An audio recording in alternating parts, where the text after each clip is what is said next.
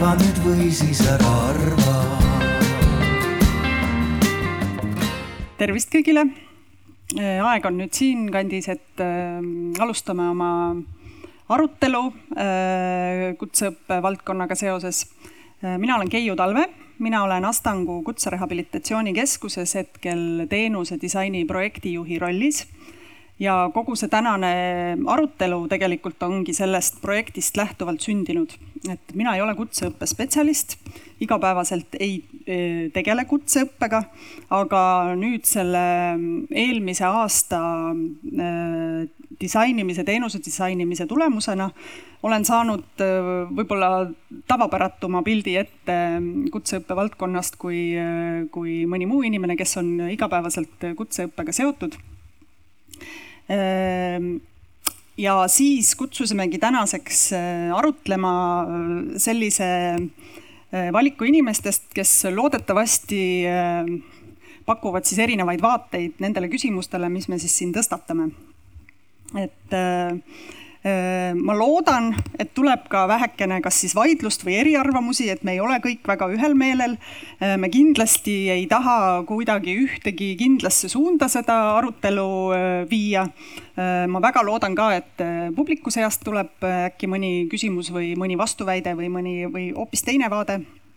aga mida me tahame siis arutada, on see, et Äh, mida me nägime ka teenusedisaini protsessi jooksul, et äh, kutseõppesse minevate õppijate profiil on aastatega väga palju muutunud. Äh, ja me näeme, et kutseõppe sisu või ütleme, korraldus võiks tulla sellele järgi, et natuke võib-olla on jäädud toppama mõnda etappi.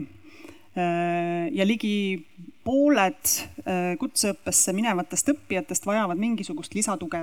Ja me ei räägi siin haridusliku erivajadusega õppijatest, me räägime ükskõik kellest, kes läheb kutseõppesse, aga võib-olla ei sobitu päris sellesse äh, rütmi, mis seal temale loodud on. Ja vajab mis iganes laadi, kas siis äh, toetavat kätt või järeleaitamist või lisatuge või, või õppetaseme ühtlustamist ja meie nii-öelda teenusedisaini äh, protsessi väide või selline märkamine oli siis, et, äh, et äh, ei ole vaja luua kutseõppesse eraldi tugisüsteeme, vaid kogu kutseõpe tuleks siis ümber korraldada selliselt, et see toetaks igat õppija vajadusi.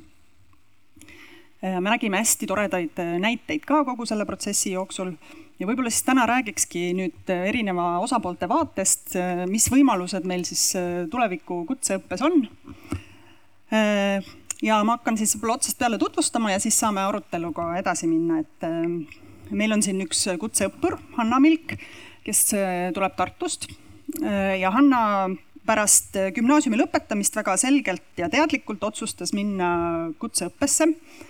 õpib praegu veebidisaini, on esimese õppeaasta lõpetanud, üks aasta veel jäänud. ja minule üllatusena on Anna üks sellistest väga teadlikest õppijatest selles mõttes, et tutvus õppekavaga enne õpingute alustamist ja ajas väga näpuga järge, et mida ta lootis saada kutseõppest. aga esimese aasta kogemuse tulemusena võib-olla päris kõik äh, seal koolis ei ole nii, nagu, nagu ta eeldas, et on Äh, teiseks meil on Haridus- ja Teadusministeeriumi esindaja Teet Tiko äh, ja Teet Tikol on siis äh, kogemust kutsehariduse arendamisega üle kahekümne aasta. ta on osalenud nii kutsekoolide võrgu optimeerimises, õigusruumi ja koolikorralduse muudatuste kavandamises kui ka siis elluviimises. ja ta ütleb, et kutseharidus on olnud ja on jätkuvalt avatud muutustele, suunatud erinevatele sihtrühmadele ja kaasa, kaasaegsete oskuste koolitamisele siis on meil äh, Margus Klaar, äh, kes on siis äh, teenuse disainer ja Brand Manuali partner, on üles kasvanud Rootsis, Šveitsis ja Kanadas. ja ütleb, et lapsi on ta saanud ja üles kasvatanud nii Eestis kui ka Rootsis, näinud erinevaid koolisüsteeme ja puutunud kokku erivajaduste, erivajadustega isiklikult ja tööalaselt töötab teenuse disainiga, aidates kujundada uusi süsteeme ja protsesse, lähtudes eelkõige kasusaajast, mitte teenuse osutajast. ja ta ei väsi kordamast, et asjad peaksid töötama nii, nagu inimesed eeldavad, et need töötavad ning lõpptulemusena kui kasutajale teenus töötab, siis reeglina on selle osutamine teenusepakkujale ka lihtsam ja loogilisem. ja seal nurgas äh, istub meil Hanna Suuba Reinsalu, äh, kes on hetkel siis Luua metsanduskooli juht, äh, aga haridusvaldkonnas töötanud kogu oma elu, alustades siis metsanduslikust kõrgharidusest ning olles kakskümmend aastat koolijuht. ja hetkel koolijuhtide koolitaja ja mentor ja tegev ka Eesti Kutseõppe Edendamise Ühingu juhatuses, äh, kus saab siis kaasa rääkida kutsehariduse arengutes ja sõlmprobleemide lahendamisel. ja, ja Hanna ütleb siis, et tänane kutsekool on kool õppija jaoks kogu tema elukaare ulatuses, kus iga õppija peab saama toetust, et edeneda. lisaks õppe sisule saab üha määravamaks see, kuidas õpet korraldada et see vastaks õppijate huvidele, arvestaks nende võimete ja vajadustega ning väärtustaks nende seniseid haridus- ja töökogemusi. nii et selline mitmekülgne paneel meil siin. ja võib-olla siis alustakski sellise esimese sissejuhatava küsimusena. kuidas te hindate hetkel kutsehariduse olukorda? ja ma ei hakkaks siin üldse ei täpsustama ega kitsendama, vaid üleüldiselt, kuidas üldiselt teie kommentaar on siis kutsehariduse olukorrale? võib-olla hakkamegi siis kohe sealt otsast pihta. natuke vist pean nihutama ennast, ja. no olles ähm, läbinisti selles valdkonnas sees, siis aina paremini läheb, ütleks niimoodi, et, ähm, et võib-olla on see märksõna, et ähm, üha rohkem viimastel aastatel on meid üles leidmas need õppijad, kes võib-olla esialgu ei kavatsenud tulla kutseharidusse. ehk et selle läbi on märgata sellist tendentsi, et ähm, õppija tegelikult tahab aktiivsemalt õppida, tahab ka mitmekülgsemalt, tahab ka praktiliselt midagi teha ja osata. ja võib-olla see seos, et, ähm, et elus ainult teadmistega ei saa, et on vaja ka oskusi, et see on täna toonud ähm, meie uste taha senisest rohkem noori mm. -hmm um,? no ilmselt on palju parem, kui ta vanasti oli, et selles mõttes võib ju alati niimoodi öelda um,. ma arvan, et uh,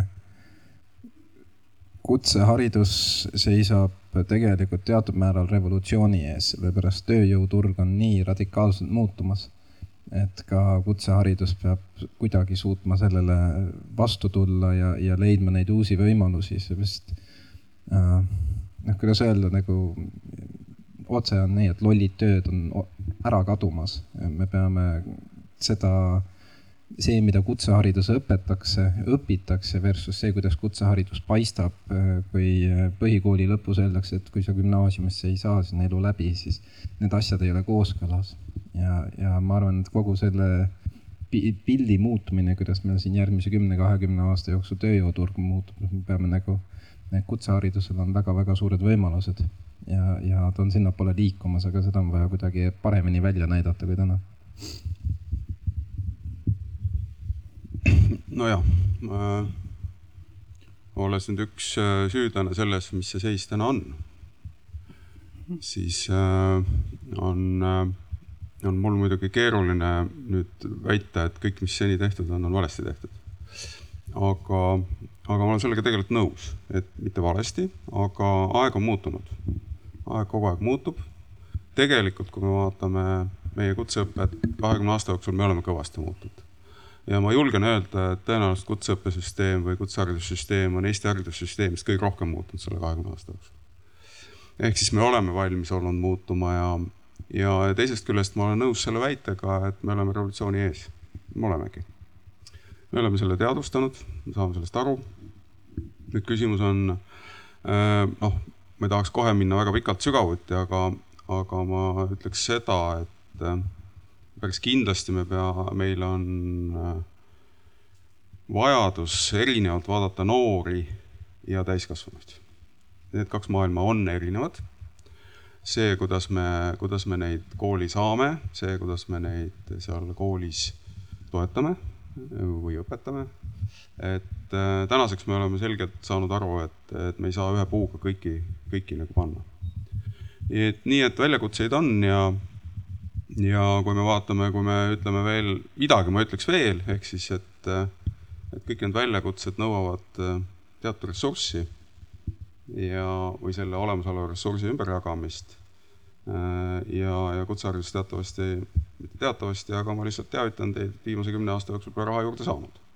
nii et, et selles mõttes on need, need muudatused üsna keerulised ellu viia, aga, aga mingid lahendused tuleb loomulikult leida mm. -hmm. tere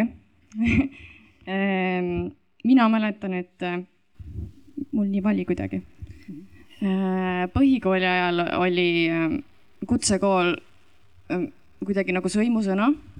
aga jah, aja jooksul oleme nagu liberaalsemaks muutunud, ei ole ta midagi enam nii sõimusõna.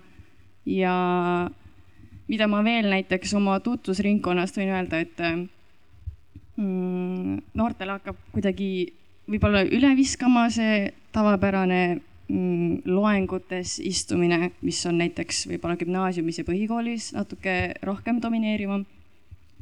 Äh, mistõttu siis vaadatakse, vaadataksegi kutsekoolide poole.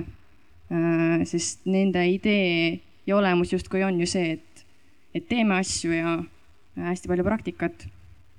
et äh, see meeldib noortele üha enam mm. -hmm no, mul on hea kuulda, et, et, et me oleme ühiselt nõus, et, et midagi peab muutuma. aga kui vastuvõtlikud praegu koolid on? Võib-olla koolijuhina teil siin kõige lihtsam öelda, et, et kuidas te ise oma koolis tunnete, et kui ma rääkisin teiega suvel telefonis, siis ma ei tea, kas te olite äsja tulnud just kuskilt äh, haridusprogrammist ja seda inspiratsiooni sinna torusse mulle tuli ikkagi kohe ja kulbiga et mis see, kuidas see vastuvõtlikkuse tunnetus on või kui kiiresti üldse saab kutsekool muutuda? Ütleks, et kogu aeg on tunne, et oled millestki maha jäänud, et see on kogu aeg kuklas, aga, aga sellega noh, tegelikult ei saa ju leppida ja, ja kui sa tead, et sul on ukse taga noored, täiskasvanud, ähm, mis iganes vanusegrupp ta siis läbi elukaare ette tuleb, siis ähm, ikkagi punkt hakkab sealt peale, et, ähm, et, et teadmine, et nii enam edasi tegelikult minna ei saa, on, on fakt. Ja selle nimel noh, loomulikult igasuguseid ähm, võimalusi on ja arenguid on, aga, aga koolijuht üksi ei tee kindlasti midagi. ja, ja see number üks start on ikkagi koos oma õpetajaskonnaga ja alati on tähtis see, et õppija saab kaasa rääkida asjadel.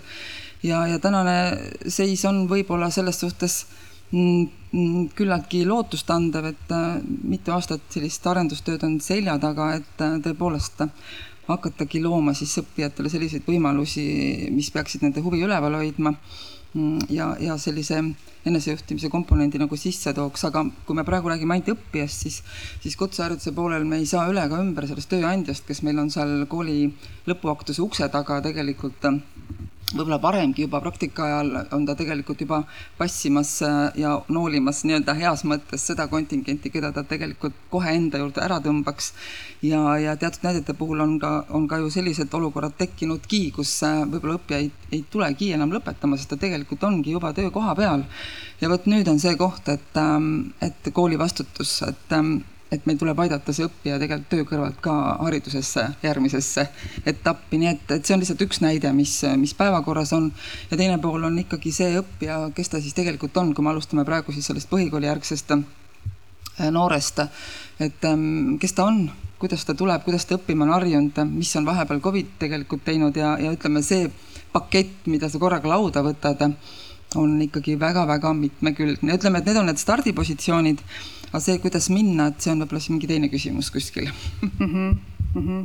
no väga hea, nüüd käis just läbi see, võtaks kohe siit sabast kinni, et, et, et peab muutuma ja nüüd ukrainlaste tulekuga seoses me ju oleme näinud seda, kui kiiresti me oleme tegelikult suutelised muutuma ka avaliku sektori tasandil, et me oleme pidanud kiiresti lahendusi leidma. et kuidas võib-olla praegu ministeeriumi poole pealt vaadates see see kiiresti reageerimine või toimetulek uue olukorraga on olnud, et, et me ei peaks ju ka tavapärases elus väga mugavalt end tundma, vaid võiksime samamoodi, kui on näha, et kuskil on vaja midagi teha, et selle asja nagu kiiresti ära teha, et praegu on olnud selline hea kogemus selja taga. nojah, ütleme, et äh, me oleme olnud suhteliselt äh, paindlikud, seda küll.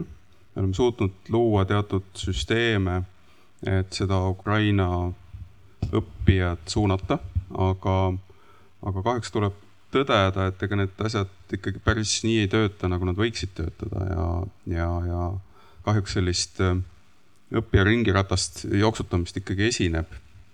Äh, mis on, mis on selles mõttes, kust see tuleneb, tuleneb ju sellest, et me oleme otsustanud käsitleda neid õppijaid sarnaselt meie õppijatega.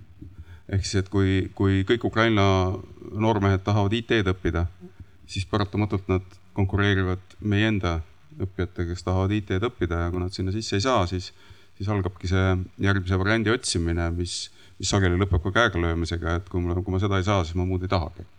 või siis, või siis minnakse, noh, kaovad ära ja nii edasi. et eks siin, eks siin nagu selles mõttes seda, seda meie enda vaates ikkagi probleeme on et meil on küll head suhted Ukrainaga selles mõttes äh, loodud, et me, me suhtleme nendega, me saame aru, mis on nende soovid oma noorte koolitamisel, millised on õppekavad olnud, nii edasi, kus, kus mida keegi õppinud on. aga sealt edasi, et saada nad siia süsteemi sisse, äh, siis paraku tekib seesama, minu vaatest vähemalt, see probleem, mis meil on ka Eestis. et meil ei ole tegelikult äh, juhtumiskorralduslikku süsteemi Eestis. ehk siis meil ei ole tegelikult igal noorel taga seda ühte inimest või, või süsteemi, kes noh, kogu tema elukaare jooksul äh, või vähemasti teatud eani jälgiks seda, mida ta teeb, aitaks teda ühest koolisüsteemist teise või ühest situatsioonist teise et täna ju on paratamatus see, et, et kui noor lõpetab põhikooli, siis tuleb tükk musta maad, sest kõik, kogu info kaob sisuliselt.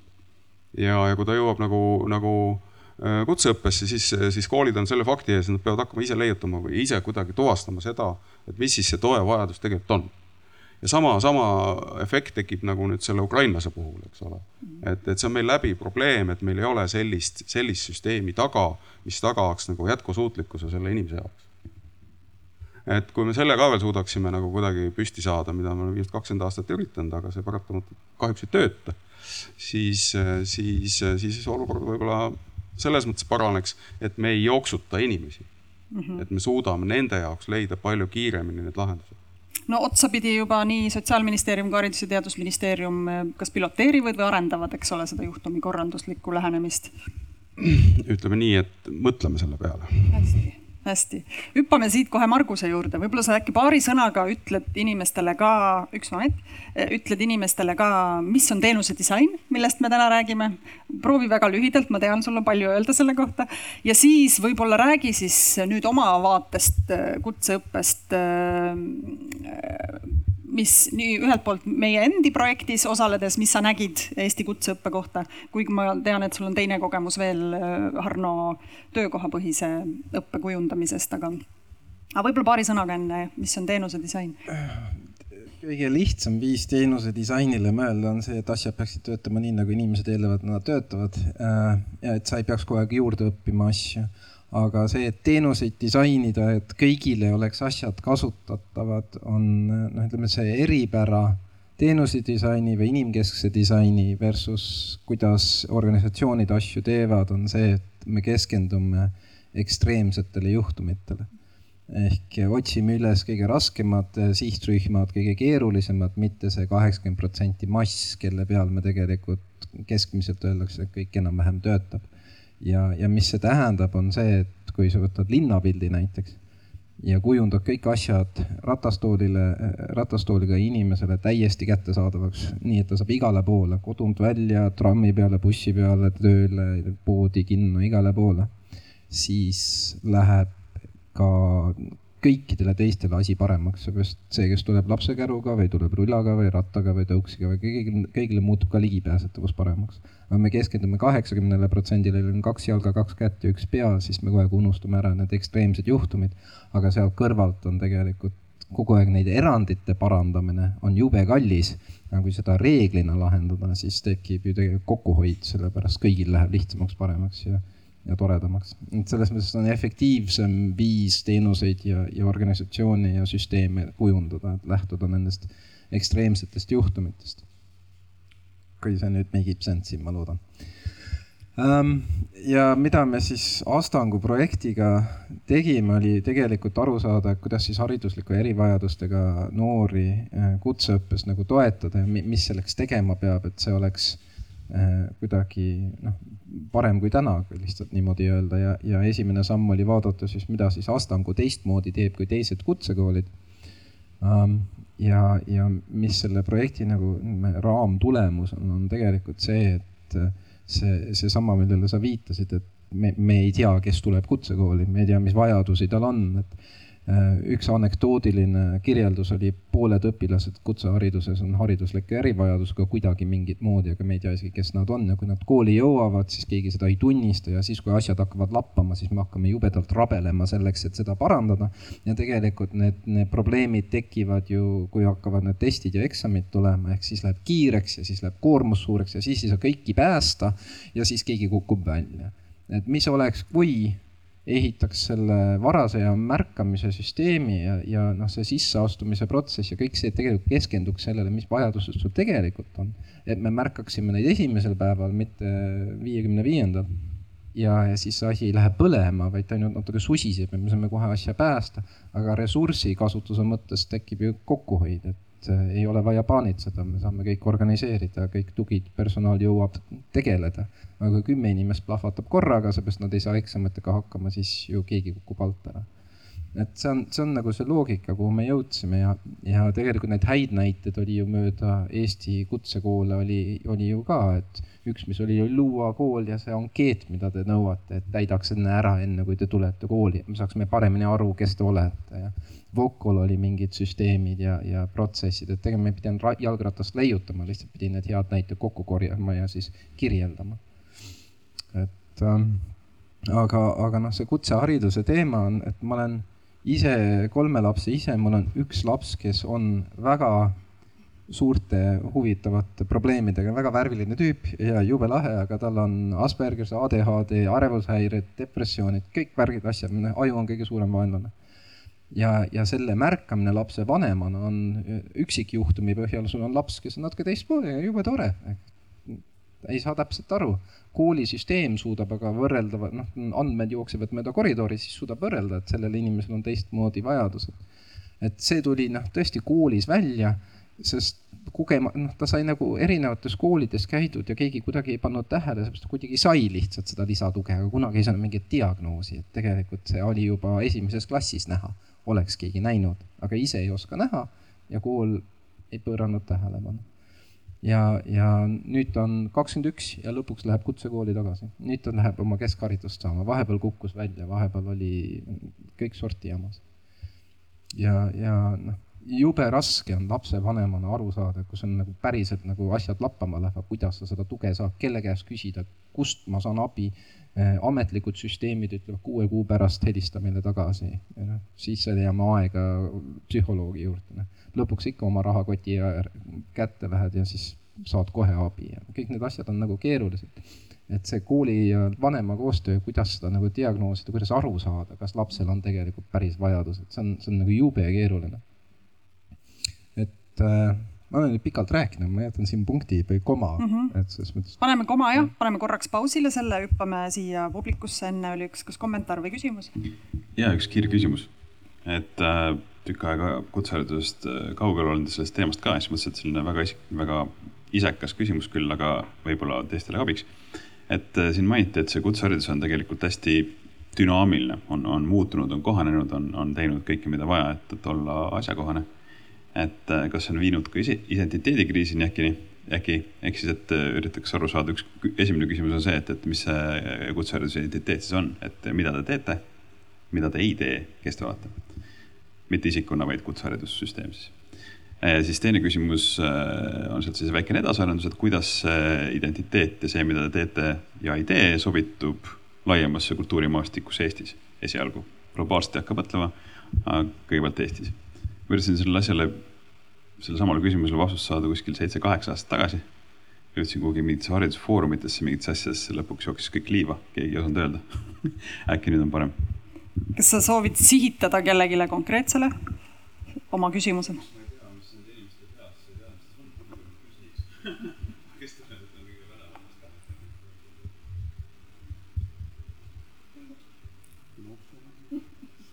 Hanna, oskad sa? ma just vaatasin teie poole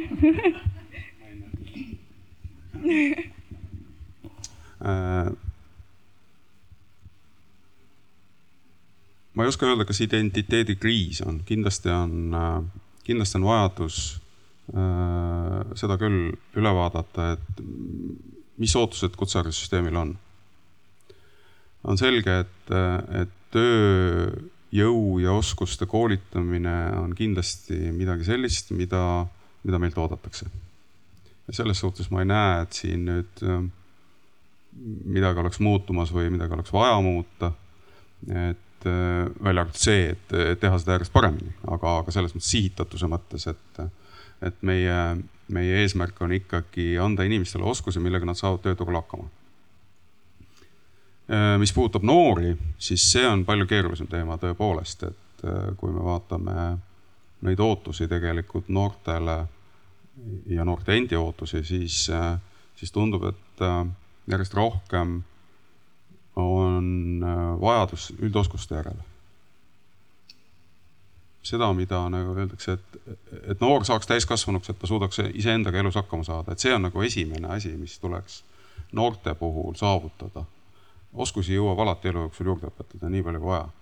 aga see, et tast kujuneks isiksus, et tast kujuneks inimene, kes oskab endaga toime tulla ja, ja keda ka tööandja nii-öelda ootab tegelikult et, et selles osas ma arvan, on, on see eesmärk pigem, et me peaksime vaatama üldharidust ja kutseharidust juba rohkem koos tulevikus. et ma vastaks nii praegu.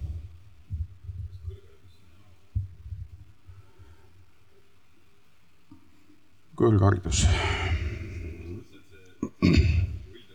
vabandust, et, et just nagu selline nagu väikene Freudian slip, et vaadata üldharidust ja kutseharidust koos, aga miks mitte üldharidust, kutseharidust ja kõrgharidust? tegelikult me vaatamegi tuleviku vaates selles mõttes, et, et nagu ma ütlesin, et, et see vajadus, et midagi on vaja muuta, selle me oleme tuvastanud juba tükk aega tagasi ja, ja eks meil siin mingisugused arvamusfestivalid väiksemas seltskonnas toimuvad juba mitu aastat ja, ja seal on tegelikult siis tegelikult siis juhe on nagu veel teisele poole ka, ehk siis põhikool. põhikool ja sealt kuni kõrgharidusse välja, et, et see liin peaks olema omavahel kooskõlas. toimima väga hästi, nii et, et kõik need on pildil. võib-olla selle teise küsimuse teisele poolele äkki, Anna, teie oskate? et see teine pool oli siis, et, et kus ta siis asub nii-öelda sellisel Eesti ühiskonnamaastikul ja, ja, ja, ja kultuurimaastikul või kuidas see täpsustus võis olla? vastas ära mm. -hmm. võtame, võtame mikrofoni, jah. see jah, okei okay., et ähm, noh, mul ise ka tegelikult kutsekooli taustaga, eks ju. ettevõtja nüüd koos kolleegidega oleme loonud enda kutseharidussüsteemi, sellepärast et on vaja, sest et meil on vaja enda inimesi koolitada ja noh, teinud, teinud seda päris palju, väiksel skaalal küll. ja noh, sealt tuleb küsimus, et kutseharidusel on nagu väga selge sihtotstarve, eks ju. aga tegelikult see harjutus on ju inimeste arendamine ja nende potentsiaali väljatoomine ja see ei ole ei põhikool ega keskkool ega mitte ükski eraldi kool, vaid nagu mainiti kogu see tsükkel, eks ju, et kui ja ja kuskohast see küsimus tuleb, ongi see, et, et mind noh, ma kuidagi ei ole saanud ülevaadet või mul on, ma ei teagi, kuskohast saada ülevaadet sellest, kuidasmoodi see süsteem kõik seda õppijat, seda õppijat siis toetab läbi tema mis iganes arengutsükli, kuhu iganes ta seal selle tee peal läheb. ja noh, või ja kuhu tuua nüüd küsimus tagasi, et, et kuidas see kutseharidus siis sellesse nii-öelda pusletükina sobitub. et mis ta seal siis teeb no ma võib-olla vastaksin siis niimoodi, et äh, muidugi tahaks ka ära mainida ikkagi oma hea kolleegi Tarmo Lootuse üteluse, kes äh, tsiteerib ikkagi klassikuid ja Jakobsoni, et kutseharidus on majanduse vereringe, aga, aga selles suhtes äh, seal on oma, oma konks kindlasti olemas, sest et ega meil on ju tellimus, keda me siis ka lõpuks, mida me täidame, aga taandame ikkagi oma tänase teadmise inimese peale. ehk et kui see kutseharidusse siseneja, miks ta üldse siseneb või kust see mõte tal üldse tulla tuleb, see on ikkagi huvi.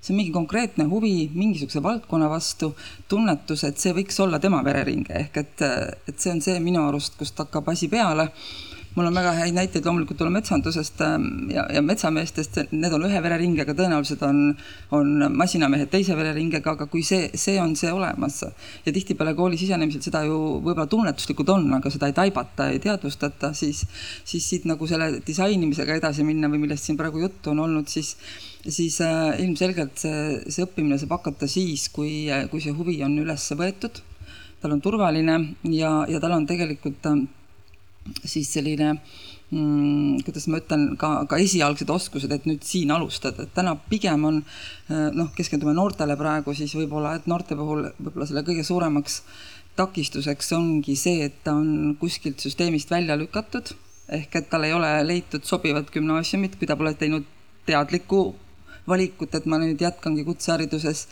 ja siis on tihtipeale see hetk, et ähm, ma valin kuhugi kooli mineku, kuhu mu sõbrad lähevad. mul ei pruugi olla seda huvi. teiselt poolt on võib-olla väga tugev perekond, kes ähm, ütleb, et su isa on olnud, eks ole ju selle valdkonna meistrimees, sinust peab ka saama.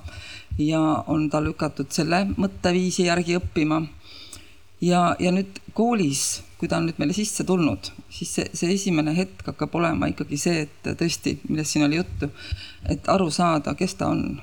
ja, ja kui me tegelikult ka aru saame, kes ta on, et, et siis on sinna võimale, võimalik üles ehitada ükskõik milli, milline ülikond või pintsak või tööriietus. et ma tahan öelda seda, et kutseharidus tegelikult äh, arvestab sellega, et alustades sellest, et, et kui infosüsteemid meiega ei räägi, siis meiega räägivad noored ja tihtipeale on ka see koht, et me vanemad juurde rääkima ei soovi. et on ka, on ka need kohad, kus äh, võivad tekkida vastuolulised äh, suunitlused, nii et, nii et, ähm, et see stardikoht on oluline ja järgmine hetk, mis võib-olla kutsekooli eristab, on ka see, et mm, et kui ta on huvi järgi õppima tulnud, siis ta tõenäoliselt on läinud õppima isegi Eesti teise otsa või on, ta on lahkunud tegelikult kodust ja see on nagu see koht, kus, kus ähm, tuleb aru saada, et ähm, siin on midagi muud veel, mitte ainult õpihuvi. ta peab tegelikult kohanema ja kui me nagu koolina suudame pakkuda talle need turvatsoonid vähemalt esimese kahe kuu jooksul ära, et ta tegelikult saab oma uue, oma uue fookuse kätte, siis ma arvan, arvangi, et, et EV-õppijaid nii-öelda selles mõttes ma panen tõesti jutumärgid, sest et äh, tihtipeale võib sinna sattuda õppijad, kes tegelikult ei ole vaid pigem, pigem on ärevuses ja närvis selle tõttu, et nad on vahetanud oma, oma, oma elukohti. siis äh, kui, kui ähm, nii-öelda ametlik kohustus lasub koolil nii-öelda see märge külge panna seal oktoobri keskel, siis tegelikult selle suunaga me alustame tööd vastuvõtust, mitte selleks, et tema vajadust märgata, vaid talle pakkuda siis talle oskustepõhist sellel hetkel sobivat õpet. no üks variant tegelikult on kohe nad erinevatesse gruppidesse panna erinevate juhenduste juurde, ütleme, see on, see on nüüd selline võib-olla selline laiem pilt, aga, aga ma olen hästi nõus, et, et kui korraga kõik ikkagi kompleksselt ära analüüsida teatud põhju, teatud süsteemi järgi, siis äh, tabamus peaks olema suurem, et äh, et see on õige kool, õige valik, õige eriala aga teine pool on ka see, et, ähm, et tuleb ka sellisel juhul lahti lasta, kui see eriala ei ole sobiv, ehk et nagu Teet ütles, et meil oleks ähm, see toetatud äh, süsteemne võimekus Eestis äh, teha ka seal kiireid otsuseid, mitte jätta ta võib-olla aastaks enda juurde niimoodi tiksuma, sest et äh, lihtsal põhjusel, et ei ole veel üleminekulahendusi, kui alles äh, uue õppeaasta algus. kui neid saab teha kiiremini, siis see on ainult boonus, ehk et need on lihtsalt ühed äh, mure või võtmekohad, mis tegelikult ähm, alustusega ühes kutsekoolis tõenäoliselt ähm, kõigil meil tegemist tuleb teha. rääkisin pikalt mm. -hmm ma võib-olla lihtsalt lisan siia juurde veel, et, et meil on üks sihtgrupp lisaks kutsekooli tulijatest on need, kes satuvad, sest neil ei ole muud valikut Need võivadki olla noh, ütleme kas erivajadusega noored või et nende võimekus pole nii suur või nad ei ole aru saanud, mida nad tegelikult tahavad, võib-olla nende küpsemine toimub alles hiljem. aga nad teavad, et kuhugi nagu peaks minema, see põhikool sai läbi, siis tekib paus ja siis noh, kuidas keegi naabrinaine või kes juhuslikult satub siis äh, nagu tõukama või nügima natukene ja siis ta satub ja siis kool peab tulema toime sellega, et ta sattus kuhugile erialale, mingisse gruppi. See grupp on nagu võib-olla nullist sajani erinev, kelle võimed on seal nulli lähedal ja kelle võimed saja lähedal, aga ta peab ühiselt siis neid õpetama seal ja noh, seda me nägime hästi palju teenuse disainis just, et see, see kutseharidus algab põhikoolist tegelikult, et see link peab nagu tulema varem. no kuidas me saame ja ütleme, seesama kuvandi küsimus ka, see saabki sealtsamast põhikoolist alguse, et põhikoolis ikkagi surutakse kohe sur,, surutakse gümnaasiumisse ja kui sa ei ole, siis sinna suunda ei lähe, siis sa vaata ise, kuidas sina siis hakkama saad, on ju. et me nägime just hästi tugevalt seda sihtgruppi ka ja siis nad jõuavadki sinna kutsekooli ja sügisel selgub, et see on täiesti vale eriala, neil pole tõrna aimugi tegelikult, kuhu nad sattusid. siis võib-olla nad ei saa hakkama, saavad hakkama, siis võib-olla kutsevaliku äh, õppekavale satuvad või kaotavad aasta ja proovivad järgmine aasta uuesti, et see on nagu, et neid sihtgruppe nagu või neid gruppe on natuke isegi rohkem aitäh, lihtsalt, et eh, natuke paremini tunnetada, et eh, ütleme näiteks luua näite põhjal, et see proportsioon, et need, kes õpilased, kes on teadlikult valinud, kes juba teavad, et nad näevad ennast mm, noh, piltlikult öeldes saak käes ja mm, kuuseistikud puusal. kui palju on noh, noh umbes proportsionaalselt neid ja, ja kui palju on sattujaid, et lihtsalt, et noh, tunnetus parem oleks, aitäh. et võib-olla hästi üldistatult, et, et sattujaid on suht vähe. Et see on üks väike spetsiifika Eestis. Meie kooli näitel, aga kui tõmmata ikkagi üle kutsehariduse seda pilti suuremaks, siis, siis tõepoolest noh, teema on pigem ka selles, et et see sattumine ei ole üldse paha selles suhtes, et äh, kui on inimene noor ja, ja kui kool teeb selle nimel tööd, et kui ta on juba sattunud, siis meie esimene eesmärk on seda huvi ju tegelikult äratada, hoida. ja kui sealt tekivad ikkagi muud vastasseisud, no siis tuleb leid, leida uusi lahendusi. aga mulle hästi meeldis nagu see lähenemine, mis sa siit välja tõid ka või see on, see on tegelikult fakt, et, et ühest haridussüsteemist teise üleliikumisel ehk põhikoolist kutsekooli ületulekul on see see maailmade põrkumine niivõrd suur, et äh, täna oleme isegi sellises olukorras, kus me oleme sunnitud äh, tegema õppeaine või teema eraldi õppimine kutsekoolis ja seda teevad tegelikult üsna mitmed koolid täna. ehk et see õppekorraldus on nii erinev ühelt poolt kõik need muud pädevused sinna juurde, kasvõi infosüsteemid, alustame kasvõi sellest, kuidas ta igapäevaselt koolis toimetab, kuidas ta liigub, kus ta on, kuidas õppekava on üles ehitatud, mis keeles me räägime. me räägime täna ju erinevates keeltes ka, kuskil on pädevused, kuskil on kompetentsid, on ju, kuskil on sisendid, kuskil on väljundid. noor ei saa aru sellest sellisel viisil et kuidas saab olla ühes haridussüsteemis ühest äh, kraavi peale teise ülehüppamisel juba tegelikult uus maailm. uus maailm on okei okay,, sest et äh, haridustase on teine ja, ja valikud teised, aga see baas on niivõrd erinev. või siis äh, võtame selle poole, et, et kui palju me tegelikult tegeleme siis põhihariduse tei-, viimases astmes, kolmandas kooliastmes ka tegelike karjäärivalikutega ja, ja üldse selle kutsehariduse näitamisegagi või siis ka selles valdkonnas erinevate tööandja näitamisega, et et tekiksid need nii-öelda progümnaasiumi astmes juba mingisugused, äh, mingisugused mõtted, valikud, mis võiksid saada toetatud juba seal seitse kuni üheksa astmes, mitte, mitte lõpuks šokina üheksanda klassi lõpus, kus siin mitte keegi enam ei vaja. ja võib-olla teinekord on mm, mõndasid ei vajata, vabandan. et, et ja mõnikord on võib-olla ka see pool, et võib-olla ongi okei okay,, kui üks vaheaasta võetakse et ei pea tormama, elus tormad, tormame me täiskasvanutena nagunii, aga et võib-olla ongi vaja kuskilt järgi saada uuesti atra seada ja, ja proovida, nii et täna on kutsehariduses ka need paindlikud lahendused olemas, et läbi valikute, valikaasta proovimiste suunas neid, neid võimalusi siiski katsetada, nii et, et see üldine tung kohe kiiresti haridusest läbi saada et pärast täiskasvanu eas on sul aega küll, siis vaadatakse igal eluetapil uus täiendkoolitus või uus kutseõpe ja tullakse oskusi tegema. pigem sihtida alguses täpsemini, aga võtta selleks rohkem aega mm. -hmm. Peet? jah, kuna soov oli saada mingit ettekujutust, siis, siis äh, ma küll ei mäleta enam, need on päris mitme aasta tagused uuringud, aga, aga võib julgelt väita, et umbes üks kolmandik, eriti noortest, no täiskasvanud jätame pildist välja, sest nemad ilmselt teavad, mida nad õppida tahavad. aga üks kolmandik noortest tegelikult äh, satub. ja, ja siis on üks kolmandik, kes enam-vähem arvab, et ta teab, et see, mida ta valis, on õige asi ja siis on üks kolmandik, kes tegelikult ka teab et umbes nii need proportsioonid on aga võib-olla Hanna, moment, üks moment, Margus, et võib-olla räägi sina, kuidas sa, kuidas sa leidsid oma eriala? sa tulid küll gümnaasiumist, mitte põhikoolist, aga, aga sul oli gümnaasium ainuke variant, jah? Ähm, mina olen tegelikult see, et mul ei olnud tükk aega aimugi, mida ma tahan teha. Ähm, sest äh, põhikoolis ja gümnaasiumis ju tegelikult, mm, no me puudutame kõike justkui. Äh, ja siis, oota, samas, kui me puudutame mm, ma ei tea, ühesõnaga väga raske oli leida midagi, mis ma tahan edasi teha. ja siis äh, ma mõtlesin lihtsalt nii palju välja, et äh, minu arust gümnaasiumi viimasel aastal äkki meil oli informaatikatund. ja siis ma vaatasin, et oh, arvuti on äge tahaks midagi IT-s teha vist. ja loovus on ka mulle oluline olnud ja siis ma kuidagi leidsin äh, selle veebidisaini aga ega ma ei tea siiani, kas see on see, mida ma tahan teha tegelikult. Äh, ja see oli hea mõte, et peaks juba varem hakkama kuidagi suunama, mõtlema, et mida edasi teha.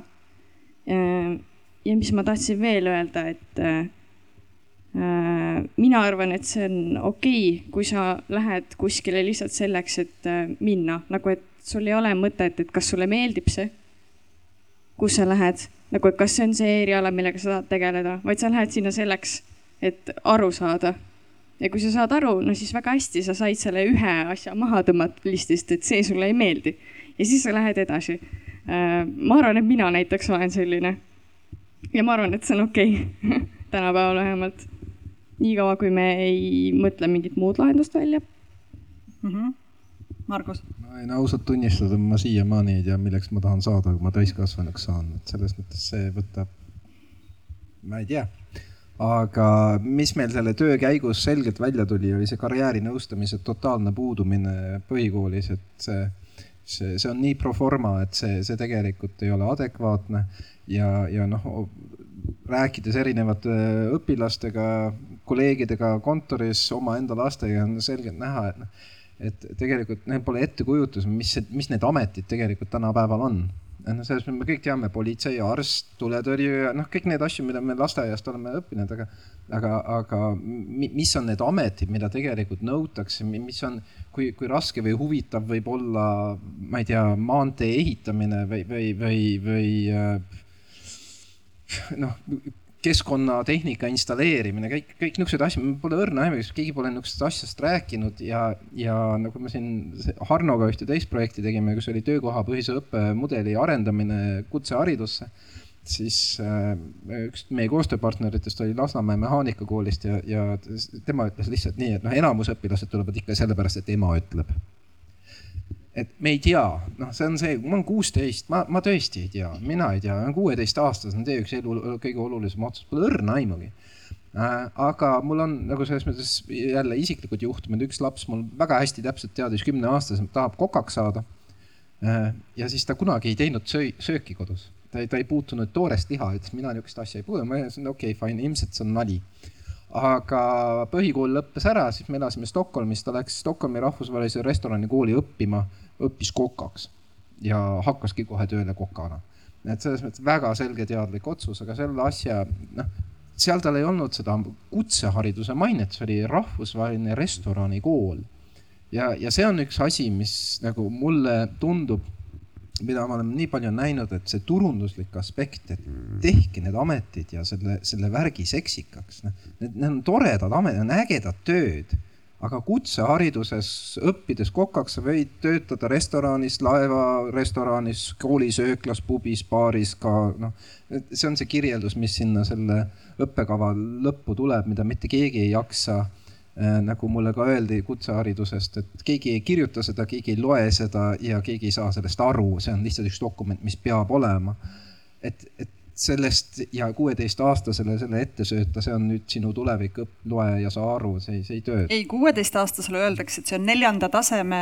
kutse, jah ja., keskharidusse saad neljanda astme kutse, jah, jah, nojah, and, mis ma nüüd teen? et, äh, et see selline turunduslik pool, ei noh, kuidas teha asju seksikaks ja ma ütlen, see, see, see retoorika Eestis on ikka noh, kui gümnaasiumisse ei saa, siis, siis, siis vaatame edasi ja no enne gümnaasiumisse ikka. et äh, niimoodi kutseharidus, noh, kokad, noh, ilma kokkadeta me ei söö, eks ju. see on jumalast oluline ja tähtis töö. aga, aga parem on gümnaasiumis käia, siis oskab veel paremini lugeda ja kirjutada. ikka ei oska midagi teha. et noh, niisugused vastuolud on, et selles mõttes siin on see, see, see, kuidas noorele nagu maailma lahti kirjeldada, kui sellest Äh, seitsmendas, kaheksandas, üheksandas klassis, see on, see on see koht, kus tegelikult ma arvan, see töö peab saama tehtud, siis on see valik lihtsam teha. ja, ja lihtsalt ühe kõrvalnäitena Rootsis on üks väga huvitav asi, kaheksandas klassis kõik õpilased peavad leidma endale ühe nädala aega minna kusagile tööle praktikaks.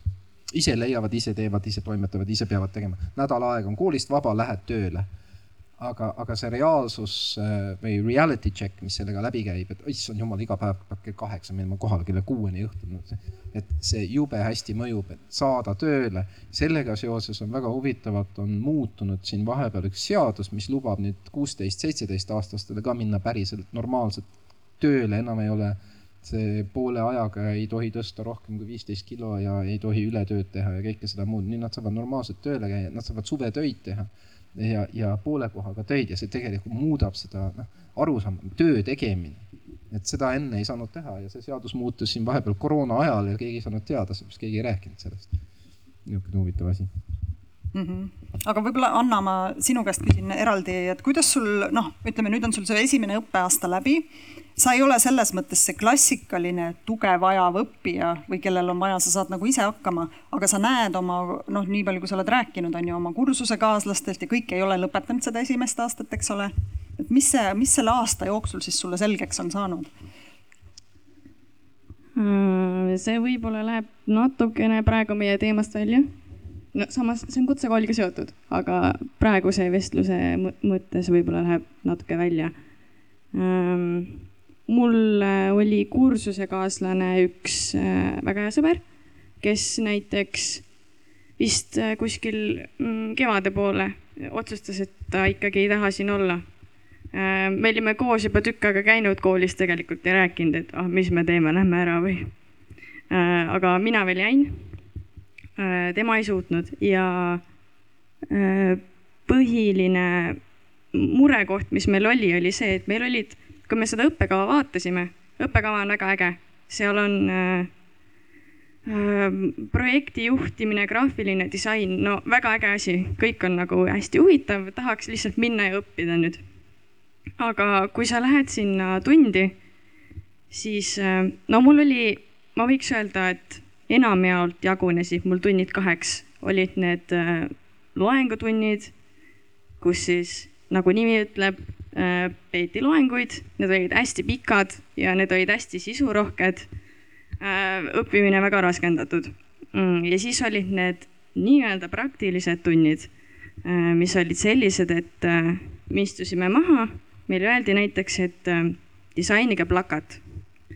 aga mitte keegi ei rääkinud mulle enne mingi, et millest ma alustan Äh, tüpograafia, kompositsioon, kõik sellised olulised asjad, et lihtsalt tehke midagi valmis.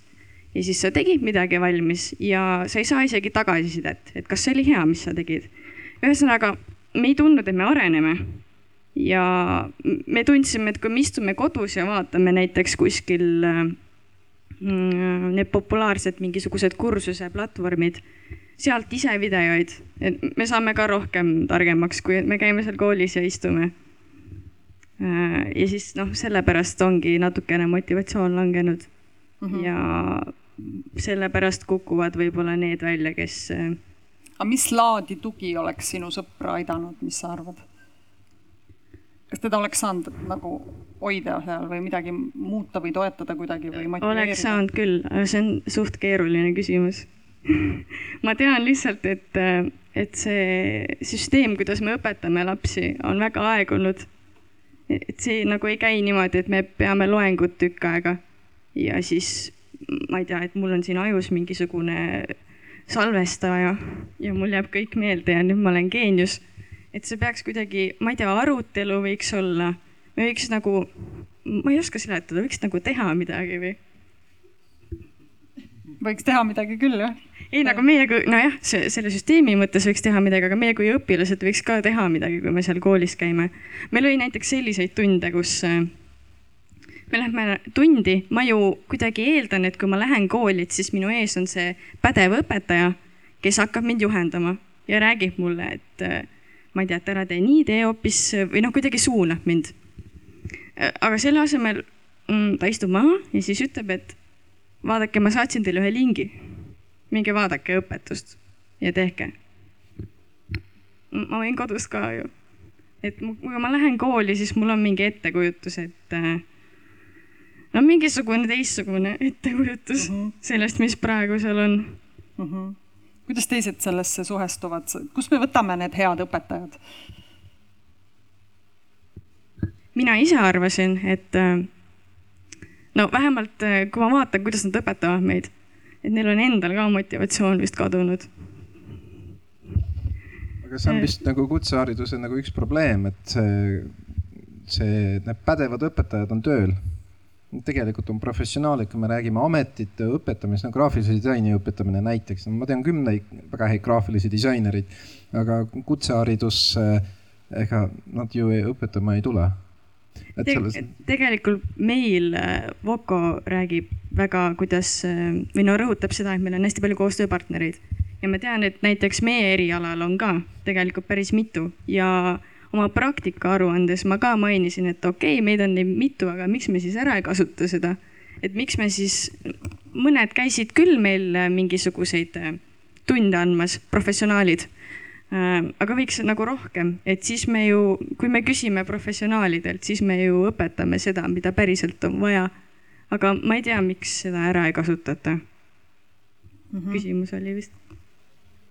ma vist sain praegu võimaluse küsida kolm küsimust korraga, pakkudes välja lahenduse ehk siis, et äh, ehk siis, et see, mis, vabandust, mul läks teie nimi vahepeal meelest ära, aga Luua kooli inimene, kes tegelikult väga hästi, vähemalt mulle tundub, tajub, mida õpilane vajab, kuidas seda toetada, milline see õpiteekond peaks olema, milline see keskkond peaks olema, teda toetada. siis äh, teiselt poolt tulid välja, et tegelikult äh, tänapäeval on case-based, case-based learning süsteeme küll ja veel. spetsialiste on online'is kõrgesti makstud masterclass'id, mida iganes.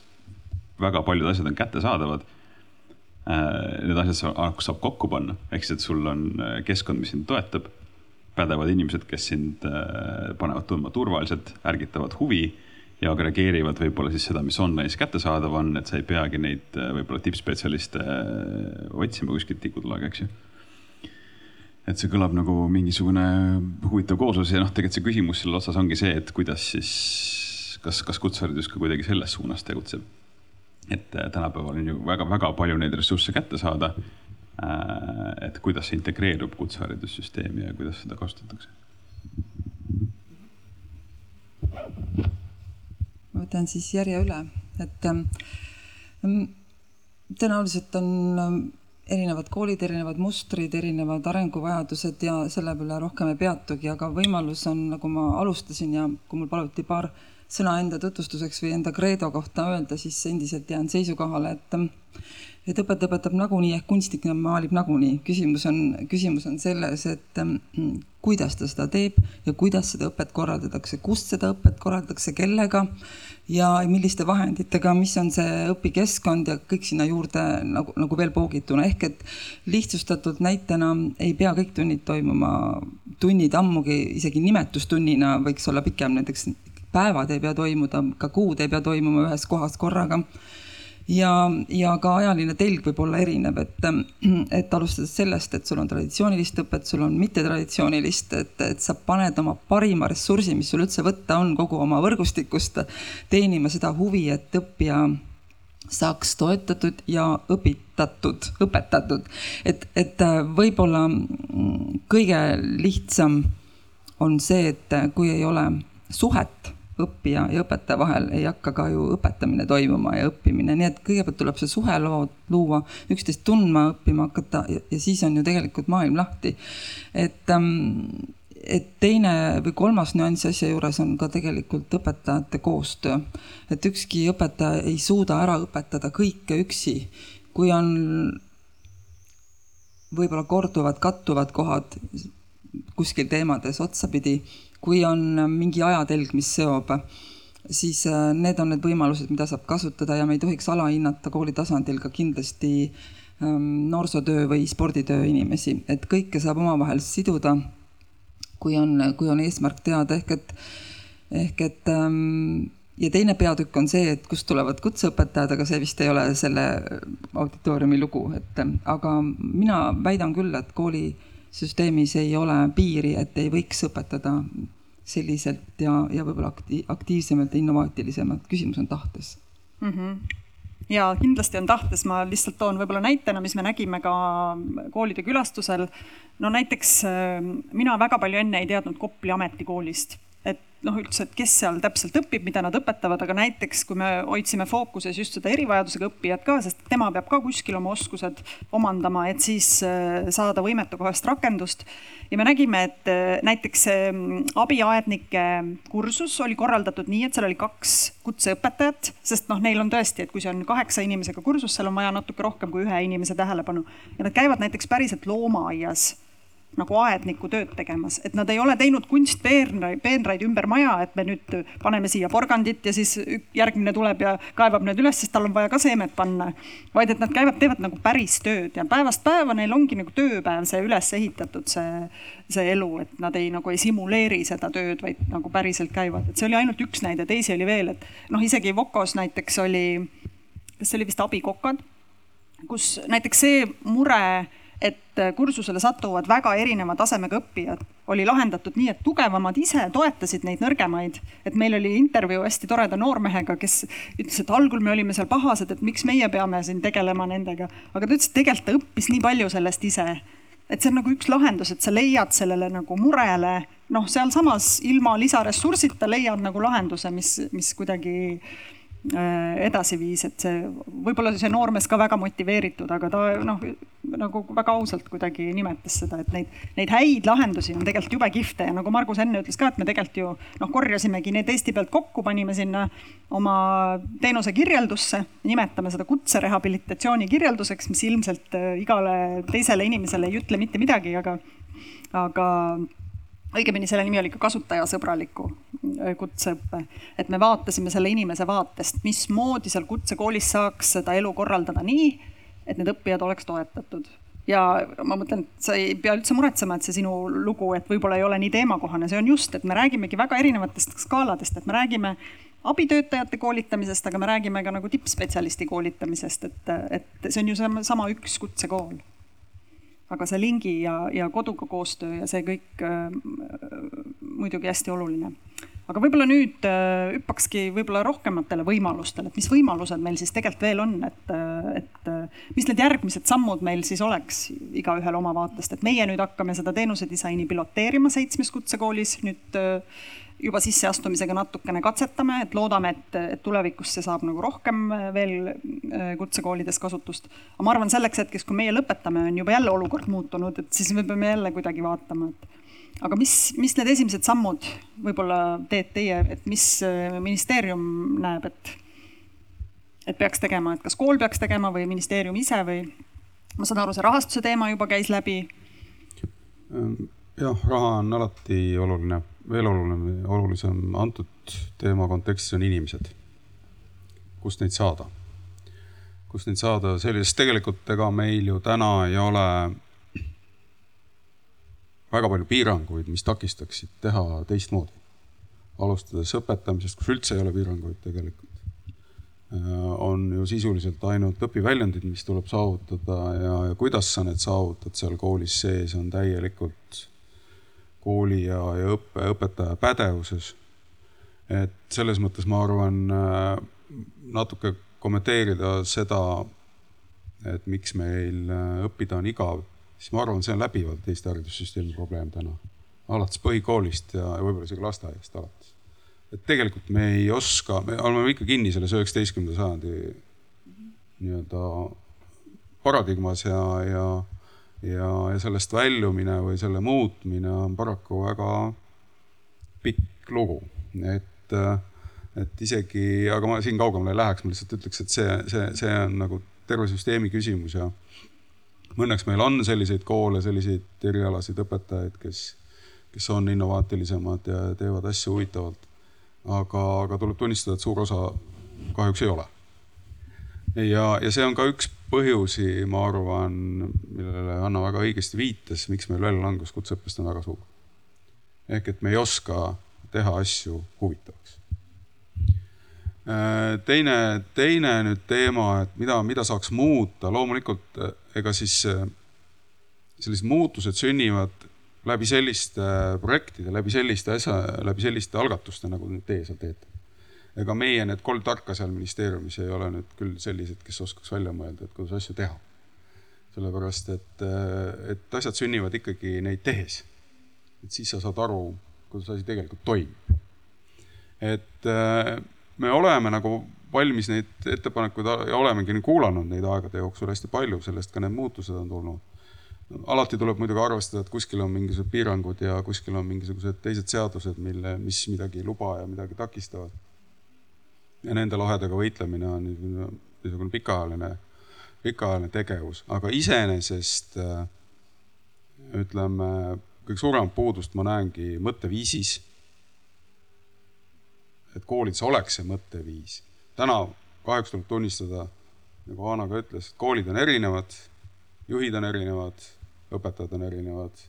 väga palju kahjuks on selles mugavustsoonis, et teen nii, nagu kakskümmend aastat olen teinud ja ja te, teie leppige sellega või minge ära. et, et see on nagu üks asi, et kuidas seda mõtteviisi muuta, eks see on, eks see ongi seesama töö, mida siin ka täna tehakse, eks ole, et räägime, pakume välja, teeme ettepanekuid, näitame ette, kuidas, kuidas saab teistmoodi teha. et, et see on pikk ja, ja vaevaline, vaevaline lugu ja, ja noh, loomulikult ega raha, raha piirab lihtsalt seda, et me ei saa palgata inimesi, nii nagu ütlesid, et, et need inimesed, kes tegelikult oskavad, ei ole täna hariduses. Need inimesed on kuskil mujal, nad on ettevõtluses, teenivad raha. Need, keda me võiksime vajada, aga me ei suuda neid palgata, sest meil ei ole selleks vahendeid. järelikult me suudame palgata neid inimesi, kes on nõus meie juures töötama ja, ja, ja peame siis üritama nendega seda, seda asja teha nii hästi, kui suudame. nii et, et kokkuvõttes, ega siin ei ole kahjuks ühte sellist ilusat lahendust, et paneme kirja kuskile kolm punkti ja hakkame tegema ja, ja siis äh, kolme aasta pärast oleme kohal. et see kahjuks jah, nii lihtsalt ei käi. meil oli siin üks projekt, mida me tegime siin terve eelmise sügisest kuni suveni, see töökohapõhise õppemudeli läbitöötamine ja tegelikult selle mudeli rakendamine, noh, see on selles mõttes, kutseharidus on selles mõttes kahte erinevat sorti tööd, üks on kontoritöö, mis on ühte laadi töö, mida tõesti saab distantsilt õppida, siis on tegelikult füüsilised tööd, mida peab nagu käed küljes tegelikult tegema, et sa saaksid aru, kuidas see asi töötab aga see töökohapõhise õppemudeli üks varjatud nagu plusspool, mis see, kui see mudel nüüd rakendub, ongi see, et me selleks, et seda hästi teha, on vaja koostööd teha ettevõtetega. teiseks on vaja ettevõtetes koolitada tööde juhatajaid, äh, brigaadijuhte või kuidas iganes neid nimetada eh, ka õpetamises ehk tegelikult nad õpivad õpetama.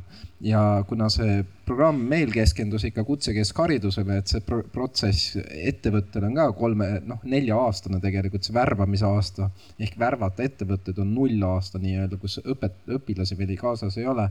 et selle tsükli lõpuks tegelikult õpetame ka välja eh, professionaale õpetama ja neid saab kaasata noh, siis loengupõhiselt tegelikult juba tagasi kutseõppesse, et tegelikult seal tekkis nagu üks niisugune varjatud Trooja hobune kogemata, et me, me saame niimoodi õpetada õpetajaid välja, aga ne, nad on siis spetsialistid, kes tegelikult töötavad noh, siis oma erialal see ainuke häda, mis sinna tuleb juurde, nii, palju nagu ma tean ja ma võib-olla ei tea täpselt, on see, et päriselt õpetamiseks sul peavad olema mingid õpetaja kvalifikatsioonid ja seda nendel ju absoluutselt ei ole, sest pooled on lihtsalt seda tööd teinud kolmkümmend aastat ja nad on maailma parimad oma erialal. et seal on nagu jälle tekib niisugune vastuolu selles, mis tingimustel sa tohid nagu ametlikult õpetada ja mis tingimustel sa tohid loengut pidada ja noh. aga, aga ma arvan, see töökohapõhise õppija, noh, ütleme seda seda töökohta ja kutseharidust no, märksa rohkem siduda kindlasti oleks üks viis, kuidas teha seda huvitavamaks. noh, selles mõttes, kui sa päriselt asja teed, siis ikka teed päriselt, mitte ei istu ja õpi akadeemiliselt midagi. ja, ja, ja kui seda nagu süsteemselt teha kõikidel erialadel ja kõik erialad ongi erinevad, noh see praktikat on lihtne teha mingitel erialadel, mingitel erialadel on ikka jube raske, seepärast meil hetkel Eestis ei ole ühte niisugust projekti, kus saab seda eriala õppida, seepärast lihtsalt niisugust maja täna ei ehitata, tüüpi probleem. aga ma arvan, kõik need asjad on ületatavad. et see oleks, ma arvan, koht, kus saaks nagu mõelda teisiti ja leida teist sorti lahendusi ja saada teist sorti kogemusi koolisüsteemi no mina arvan, et see on kõik selline edasine areng või, või ka siis selle õppija ümberkohandumine on ikkagi kooli põhi, põhiarengu vajadus, et siin ei ole nagu üldse teistpidi mõtlemistki ja, ja tegelikult kõik need praktikaettevõtted, kes on omamoodi võrgustik äh, kooli kõrval, ma arvan, kõikidel kutsekoolidel on, on kindlasti see potentsiaal, kellega peabki tegelema nüüd ja, ja, ja nende seast on alati võimalik ju valida parimaid ja, ja kutsuda ja, ja ümber profileerida ka õpetaja valdkonda, nii et et äh, tegelikkuses takistusi ei ole, küsimus on lihtsalt selles, et kas ähm, koolijuhtidel, juhtkondadel, õpetajatel on on, on aega ka päriselt tegeleda kooli arendusega, mitte, mitte kogu aeg bürokraatlike aruannetega, mida me ka tihti teeme ja vägagi paljus. ja, ja teine pool on, äh, kas on ka need teenused koolidele nagu kättesaadavad äh, lihtsasti või ka isegi tasuta, mis toovad teadmuse kooli, kuidas edasi, ehk et silmas pean eelkõige ülikoolide abi Äh, koolidele, et need äh, erinevaid võimalusi on, aga neid võiks veelgi olla. ja, ja igal koolil võiks olla siiski üks selline kohustuslik äh, mentoraeg või projekt iga kolme aasta tagant vähemalt, et et võetaksegi ka üks konkreetne õpikäsitluse osa lauda ja, ja hammustatakse see läbi koos siis kõrvalpealse, kõrvalise juhendamisega, sest et muidu sa kooli administreerimises lihtsalt upud ära oma igapäeva, igapäeva ülesannetesse, ehk et need sellised võib-olla mõned hoovad siiski on olemas, ehk et ähm, praegu Eesti maastikul olev tulevikukooli programm, mis on tegelikult tootnud väga põnevaid Äh, sisulisi arendusprojekte koolidesse, kaasa arvatud meie kooli, et julgen küll öelda, et nende järgi on äh, ikkagi väga suur vajadus. et, et seda nagu poolt, poolt juurde anda, nii et iseenesest ei teki midagi, et ära tundma selle vajaduse. ja, ja noh, öeldes veel korra, et ikkagi jään selle seisukoha peale, et, et võib-olla ka täiskasvanuõppes siia kõrvale juurde see nõks, et nelikümmend protsenti õppijaid ikkagi lahkub koolist sellesama õppekorralduse tõttu, ehk et see õpe ei toimu nii, nagu tema tahaks õppida. ehk et seal on see võti, ma arvan, ja, ja noorte puhul võib-olla teadlikumalt kooli käes, vanemate õppijate puhul pigem vaadates nende harjumustele, võib-olla mingitesse sihtgruppidesse, vanusegruppidesse, veel mingisuguse äh, tunnuse järgi määratletud gruppidesse, et aru saada, et kuidas seal see õpi võiks, võiks toimuda. Ja ja, ja noh, need ongi need vahendid ja võimalused, et see on igapäevane töölaud ühel koolijuhil, ma arvan mm. -hmm ma võib-olla korra kasutaks nüüd võimalust, et te ütlesite, et te ise koolitate endale inimesi, aga kas teil ei tulnud mõttesse mõne kutsekooliga koostööd teha või see oleks olnud liiga pikk protsess või ähm,? selles mõttes, et see, see on hästi huvitav, kusjuures äh, paradoks minu jaoks, sest et äh, üks asi, mida kutsekool minuga tegi, oli see, et ta tegi mind ülipraktiliseks siis, et ma teen minimaalsete ressurssidega maksimaalset tulemust kogu aeg, üritan teha see on, see on mind ilmselt äris ka edukamaks teinud natukene. ja see lävend, mis mul oli isegi enda kunagise Kehtna majanduse tehnoloogiakooliga äh, mingisugusesse dialoogi sattuda, kus me saaksime mingit sisulist juttu või sisulist tegevust teha selles suunas, et sellist nii-öelda võimekust tekitada, oli nii suur, et mul oli enda vahenditega enda äris kasumi eesmärgil mõttekam seda ise teha mm -hmm. ehk et sisuliselt noh, ma, mina olen optimeerimisvaldkonnas, eks me optimeerime ärisi veebe. Äh, meil on, me põhimõtteliselt tegime tasulise teenuse, mida me müüme välja raha eest. Äh, kasutame ise siis enda, enda inimeste harimiseks, keda me palkame. et ma sain niimoodi tunduvalt funktsionaalsema, raha teenivama või noh, saime äh, lahenduse on ju. ehk siis, et äh, ma, ma arvan, et see koostöökoht lihtsalt ei ole selline kui ta isegi eksisteerib, siis ma ei tea sellest et, et jah, ma, ma tegelikult ei tea, kuidas seda hästi teha mm -hmm. päris ausas mm. -hmm. ma ise lihtsalt mõtlen, kui ma mõtlen tehnoloogia peale või noh, ütleme meie projektikogemuse ka, et, et millegi, noh, selle koostöösuhte väljaarendamine ja see kõik nii pikaajaline protsess täpselt samamoodi, et just tehnoloogia mõttes sa jõuad, ütleme selle õppekava või eriala välja töötada ja siis on see olukord, see vajadus juba tegelikult muutunud, et sa ei jõuagi neid õppijaid nagu koolitada ja siis juba sa pead muutuma. et seda baasi endale hoida on väga kulukas ja seda mõtlen tehnoloogia või ma ei tea, autoparandus või, või metsandus ka, ma ei tea, kuidas sellega, et kas te suudate tegelikult päriselt nagu sammu käia nende vajadustega, et need praegu teeb ju masin selle puutöö iseenesest ära, nüüd sa õpid masinat juhtima. et kui ma olin mõned aastad tagasi äh, olin äh, Töötukassas kirjas, ma sain ka Harvesteri juhi tööpakkumise sealt automaatsest süsteemist, sest see oli juhi koht nagu, et noh, nagu minu profiili vaadates, et sa ju tegelikult juhidki, mõtlesin, et no ma ei tea, võib-olla päriselt, et äkki Töötukassa teab, mida ma võiks teha. et see ei ole nagu noh, selles mõttes selle, selle, selle puu või metsa või sellega nii palju seotud, kui see, et sa oled masin, masinajuht, sa oskad neid nuppe ja kange seal tõmmata õiges suunas ja no tõepoolest, see on juhtimine ehk et, ehk et selle valiku pakkus sulle tehisintellekt, eks ole, teadmata, et mis ju tegelikult soov oli, ehk et ikkagi inimest asendada ei, ei saa. tema teadis. tema, okei okay.. tema teadis et niipidi, et um, pigem on see küsimus, et um, noh, rääkides jälle, et um, et tehnika areneb meeletu kiirusega ja, ja tegelikult ähm, tehnikaturg on ju ka globaalne turg, kui nii võtta, siis, siis ähm, ka tehnika tootjad on tegelikult väga huvitatud ju sellest, et nende tehnikat tuntaks et tegelikult see on jälle üks koostöö küsimus, kuidas üks kool suudab omale edasi ehitada sellise partnerluse, et tegelikult sul on viimane sõna kogu aeg õppetöös lauas. teiselt poolt on lihtsalt vastas see piir, et kui, et, et, et kas on ka see materjal, kellele seda viimast sõna nagu, nagu pakkuda ja sinna tekib siis see, see suur lõhe, nagu ma ütlesin, ühelt kraavipärvelt teisele hüppamine, et tegelikult, et, et saada see see noor ka läbi õppe siis nii küpseks, et ta selle viimase sõnaga tegelikult äh, töötada oskab. aga, aga sellest me eelnevalt rääkisime, et, et see, see sisenemise kvaliteet on üsna, üsna kehva, aga, aga mitte hinnanguid andes, siis ähm, toon veel nagu võib-olla ka sellise, sellise mõtte siia juurde, et et äh, ega meil koolidena on ju ikkagi, nii nagu Teetki ütles, äh, hästi suur vabadus.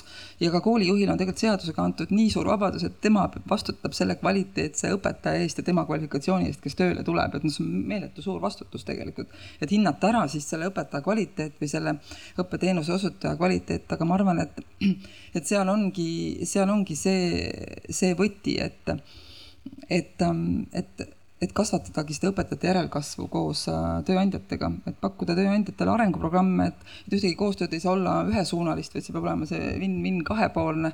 et sellel kindlasti on tööandjatel endilgi vajadus ka oma enda inimestega töötada, kasvõi personaliarenduse valdkonnas, et kui sa saad pakkuda seda juhendajakoolitust, teda, teda natukene sealt aidata, siis ta sellega loob juba oma väärtuse sinna ettevõttesse ka juurde, nii et need on kõik hästi eh, tuntud mustrid meie, vähemalt meie kooli näidetel, nii et, et kuni selleni välja, et ettevõtted pakuvad õpetajatele pikemat arenguprogrammi, et äh, tule ja pool aastat tööta meie juures, teeme vahetust. ma annan sulle oma, oma töötaja, anna sa mulle oma õpetaja ja siis nad õpivad mõlemapoolselt, et või siis ka otsene tellimus, et kümne aasta pärast on ühes äh, meie sektori lõigus äh, väga suur töötajate vanuseline vahetus ja tänaseks on antud sisend, et kümne aasta jooksul me vajame selliseid, selliseid, selliseid ametipositsioone ja me peame sellega tegelema hakkama kohe võib-olla need näited on lihtsalt äh, liiga ilusad selleks, et aga, aga, aga ühes sektoris saabki neid võib-olla paremini korraldada, et aga, aga see muidugi ei välista seda, et, et see võima-, võimatu ei oleks. on küll, et,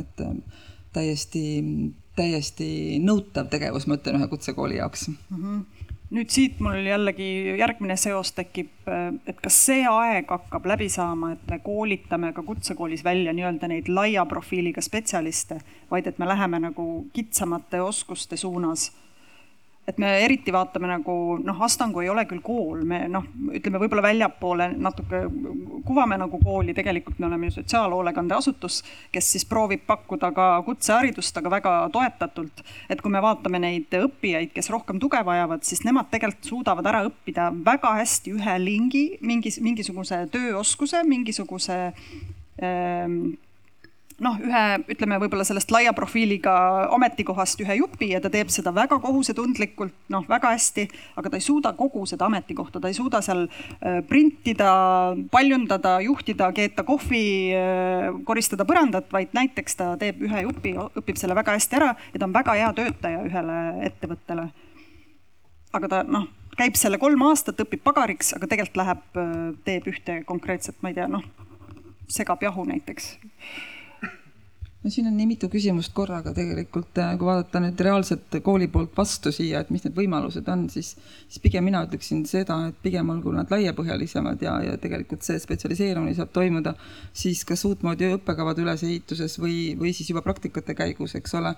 ja kui me paneme siia veel toevajadusega õppija, siis äh, tavapäraselt on, on, võiks olla koolil seal vähemalt kümme erinevat õppekava veel omakorda kuskil kapis, et tal ongi talle pakkuda see lahendus ja sellel tasemel, mis talle siis sobilik on, ehk mitte teda tõesti seda kolme aastat lastagi seal tiksuda selle peal, vaid tegelikult, kui tal ongi vaja ainult kahte liigutust teha, mida ta suudab teha kümne asemel, siis on võimalik ka kahe liigutusega leida talle tegelikult siis selline sobiv mm, õppe, õppekava ja, ja võib-olla ka tuleviku pool kui sealtpoolt on jälle kedagi, kes vastu võtab, ütleme, kui me räägime klassikaliselt erivajadusest, aga kui me räägime ikkagi mingisugust arenguhüppe vahelisest äh, ajas olevast noorest, kes, kes äh, võib-olla on mingisuguses Mm, nagu ajaaugus selles mõttes, et ta tõenäoliselt ähm, saab õppida, oskab õppida, aga ta vajab rohkem aega, eks ole, või vastupidi, teistpidi ta õpiks palju kiiremini, kui kool pakub.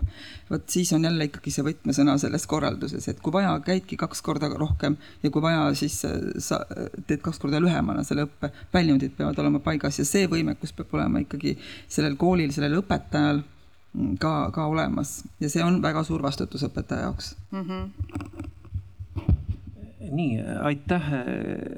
hästi nauding on kuulata ja hästi paljude asjadega ma haakun. ma ühe mõõtme tooks veel sisse, ma olen hästi seda nõus, et, et hea õpetaja noh, et õpetaja tegelikult otsustab ja halb õpetaja võib tõesti teha noh, et nii nagu Hanna näide oli. aga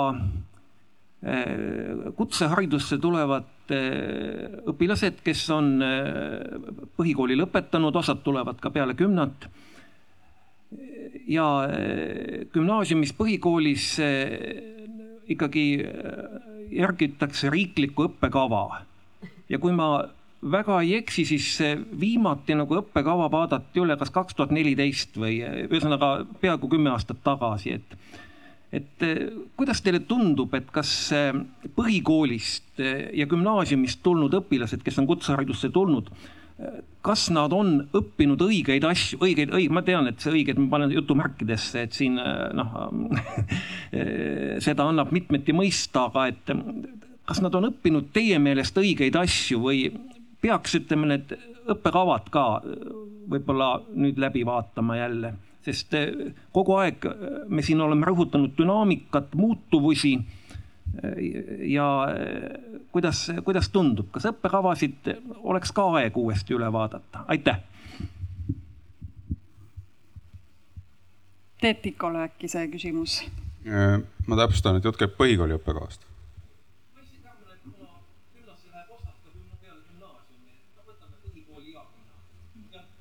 no ütleme siis põhikooli ja gümnaasiumi riiklik õppekava. selle muutmine on alati selline protsess, et suure hurraaga hakatakse peale ja siis kolme aasta pärast tõdetakse, et ei jõutud kokkuleppele.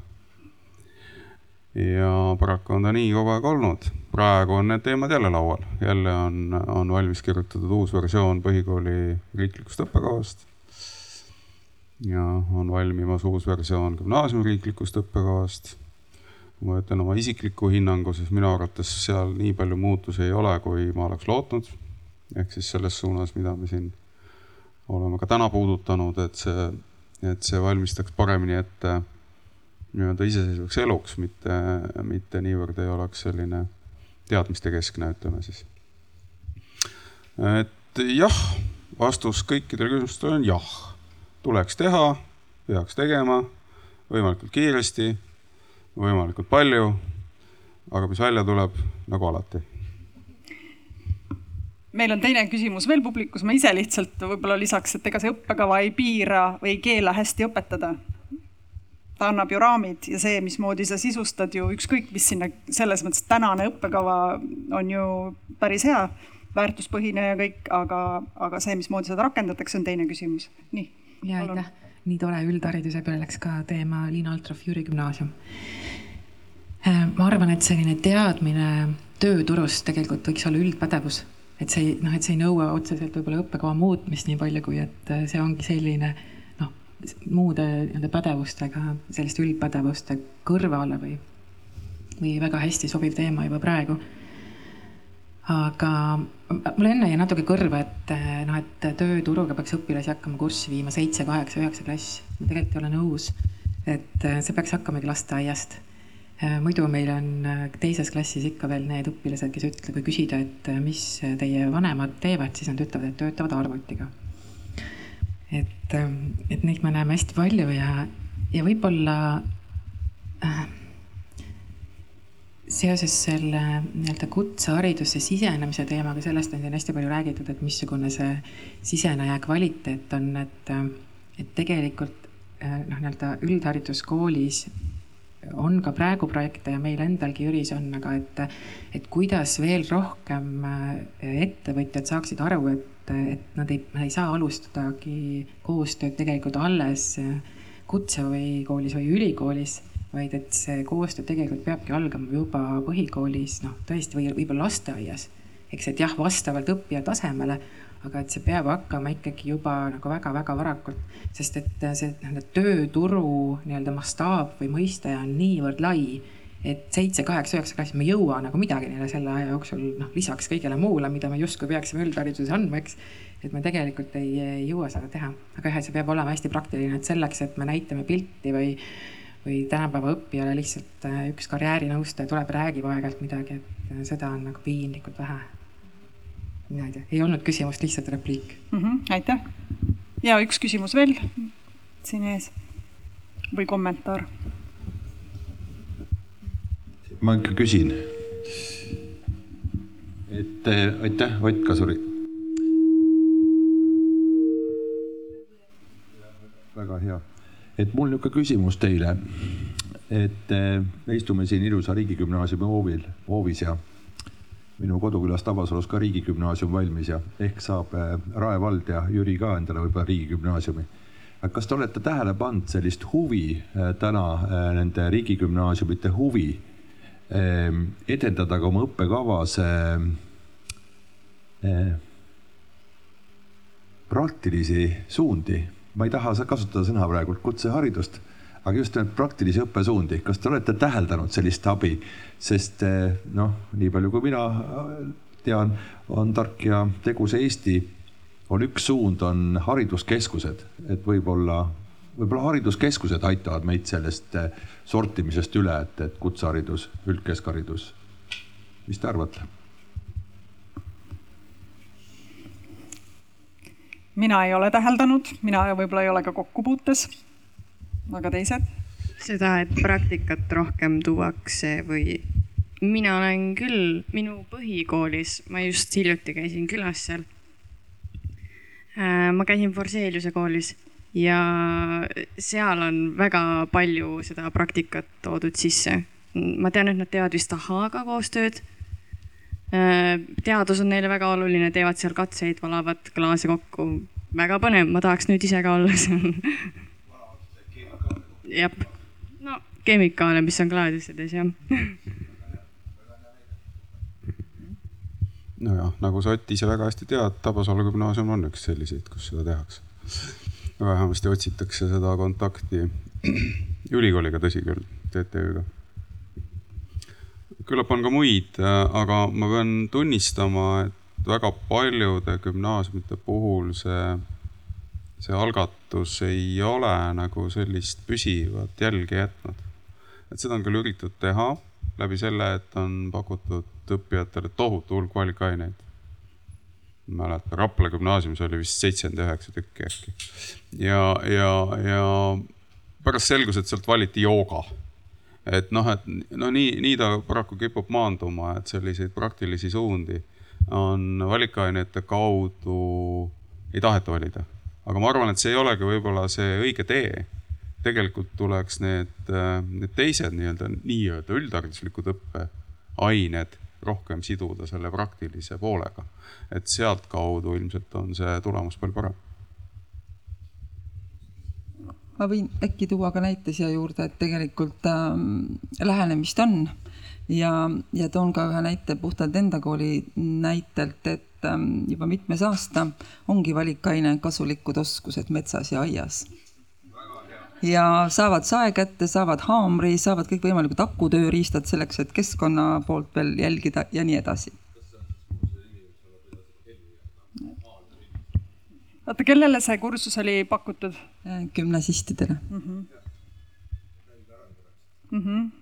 nii, üks küsimus või kommentaar? nii, aitäh, kommentaar minu poolt võib-olla kuna oli suunatud riigigümnaasiumitele ja mina töötan igapäevaselt Haridus- ja Teadusministeeriumis eh, riigigümnaasiumide rajamise koordinaatorina, et siis siitpoolt ka kommentaar, et tegelikult meil on eh, pidaja poolt Äh, oleme liikumas sinna, et meie koolid läheneksid, et meie koolid tunneksid teineteist, aga ma olen täiesti veendunud, et see kõik saab alguse inimlikest suhetest ja sellest, et meie valikained ei oleks ainult koostöös ülikoolidega ja koostöös meie kogukonna inimestega, vaid ka kutsekoolide vahel. ja kui rääkida praktilistest oskustest, siis äh, ma ilmselt äh, ei pea lugema ette kõikide meie uute juhtide ja kõikide riigigümnaasiumide juhtide ja kutseõppejuhtide nimesid, kes tegelikult on hästi huvitatud sellest, et meie Äh, noor, kes tuleb koolist välja, saab elus hakkama, mitte ainult oma teadmiste, vaid ka oma oskuste ja pädevuste poole pealt mm. -hmm, aitäh. nii, üks kommentaar veel.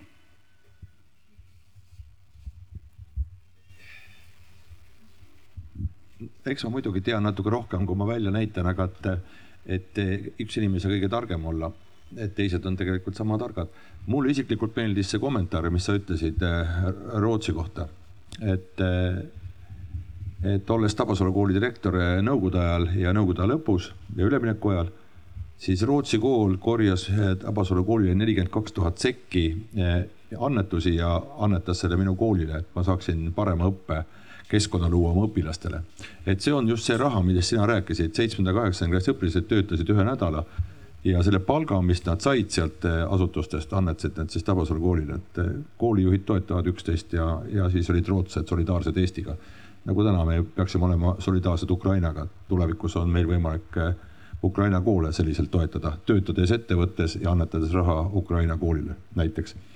siis, et minu suur lootus on see, et, et et kutsekoolid on tegelikult väga tublid ja minu, minu viimane fantastiline kohtumine kutsekooli direktoriga, äh, Valga kutsekooli direktoriga oli arenduskeskuste koosolekul Lennu kolledžis ja kui see inimene hakkas mulle rääkima, mismoodi ta koolitab äh, lasteaia assistente, just nimelt tema kutsehariduskool korraldab, Valga kutsehariduskool korraldab koolijuhtide või nendele lasteaia assistentidele koolitusi Harjumaal, siis ma ütleksin niiviisi, et vot siuksed mehed on väärt mehed, et nad kutsekooli direktorid on tõesti täna nutikad inimesed, nad teevad praktilisi asju ja see kutseharidussüsteem töötab suurepäraselt, et, et rohkem PR-i, rohkem avalik ja see kutsemeistrite võistlus, mis täna te, jookseb televisioonis, minu meelest need on väga head ja huvitavad võistlused, ma vaatan neid hea meelega.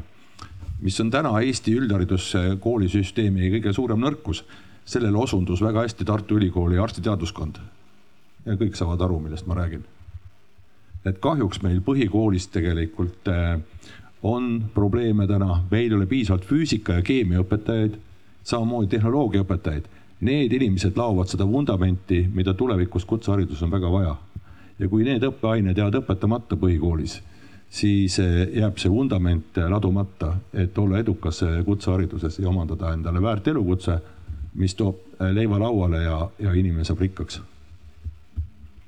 aitäh enne kui me päris otsad kokku tõmbame, kas keegi tunneb, et midagi jäi ütlemata, mõni väga oluline sõnum?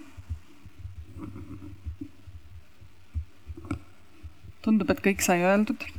Meil... vahepeal oli üks, aga ma unustasin selle loomulikult ära. no võib-olla tuleb pärast, me postitame, läheb helisalvestusele juurde lisalugu aga ma loodan, et, et vestlus oli sisukas, me käsitlesime siin teemasid küll seinast seina, päris kõiki muresid ära ei lahendanud, aga mitu, mitu päris head mõtet käis läbi küll, millega edasi tegeleda. Äh, ma väga loodan, et, et no siia ilmselt tulid need inimesed, keda see teema hästi huvitab, aga, aga meil oleks vaja kuidagi kätte saada need inimesed, kes siin täna ei ole. et järelkuulamise võimalus ehk seda pakub ja loodetavasti siit siis äh, koostöös jõuame kaugemale. aga aitäh kõigile. Ähm,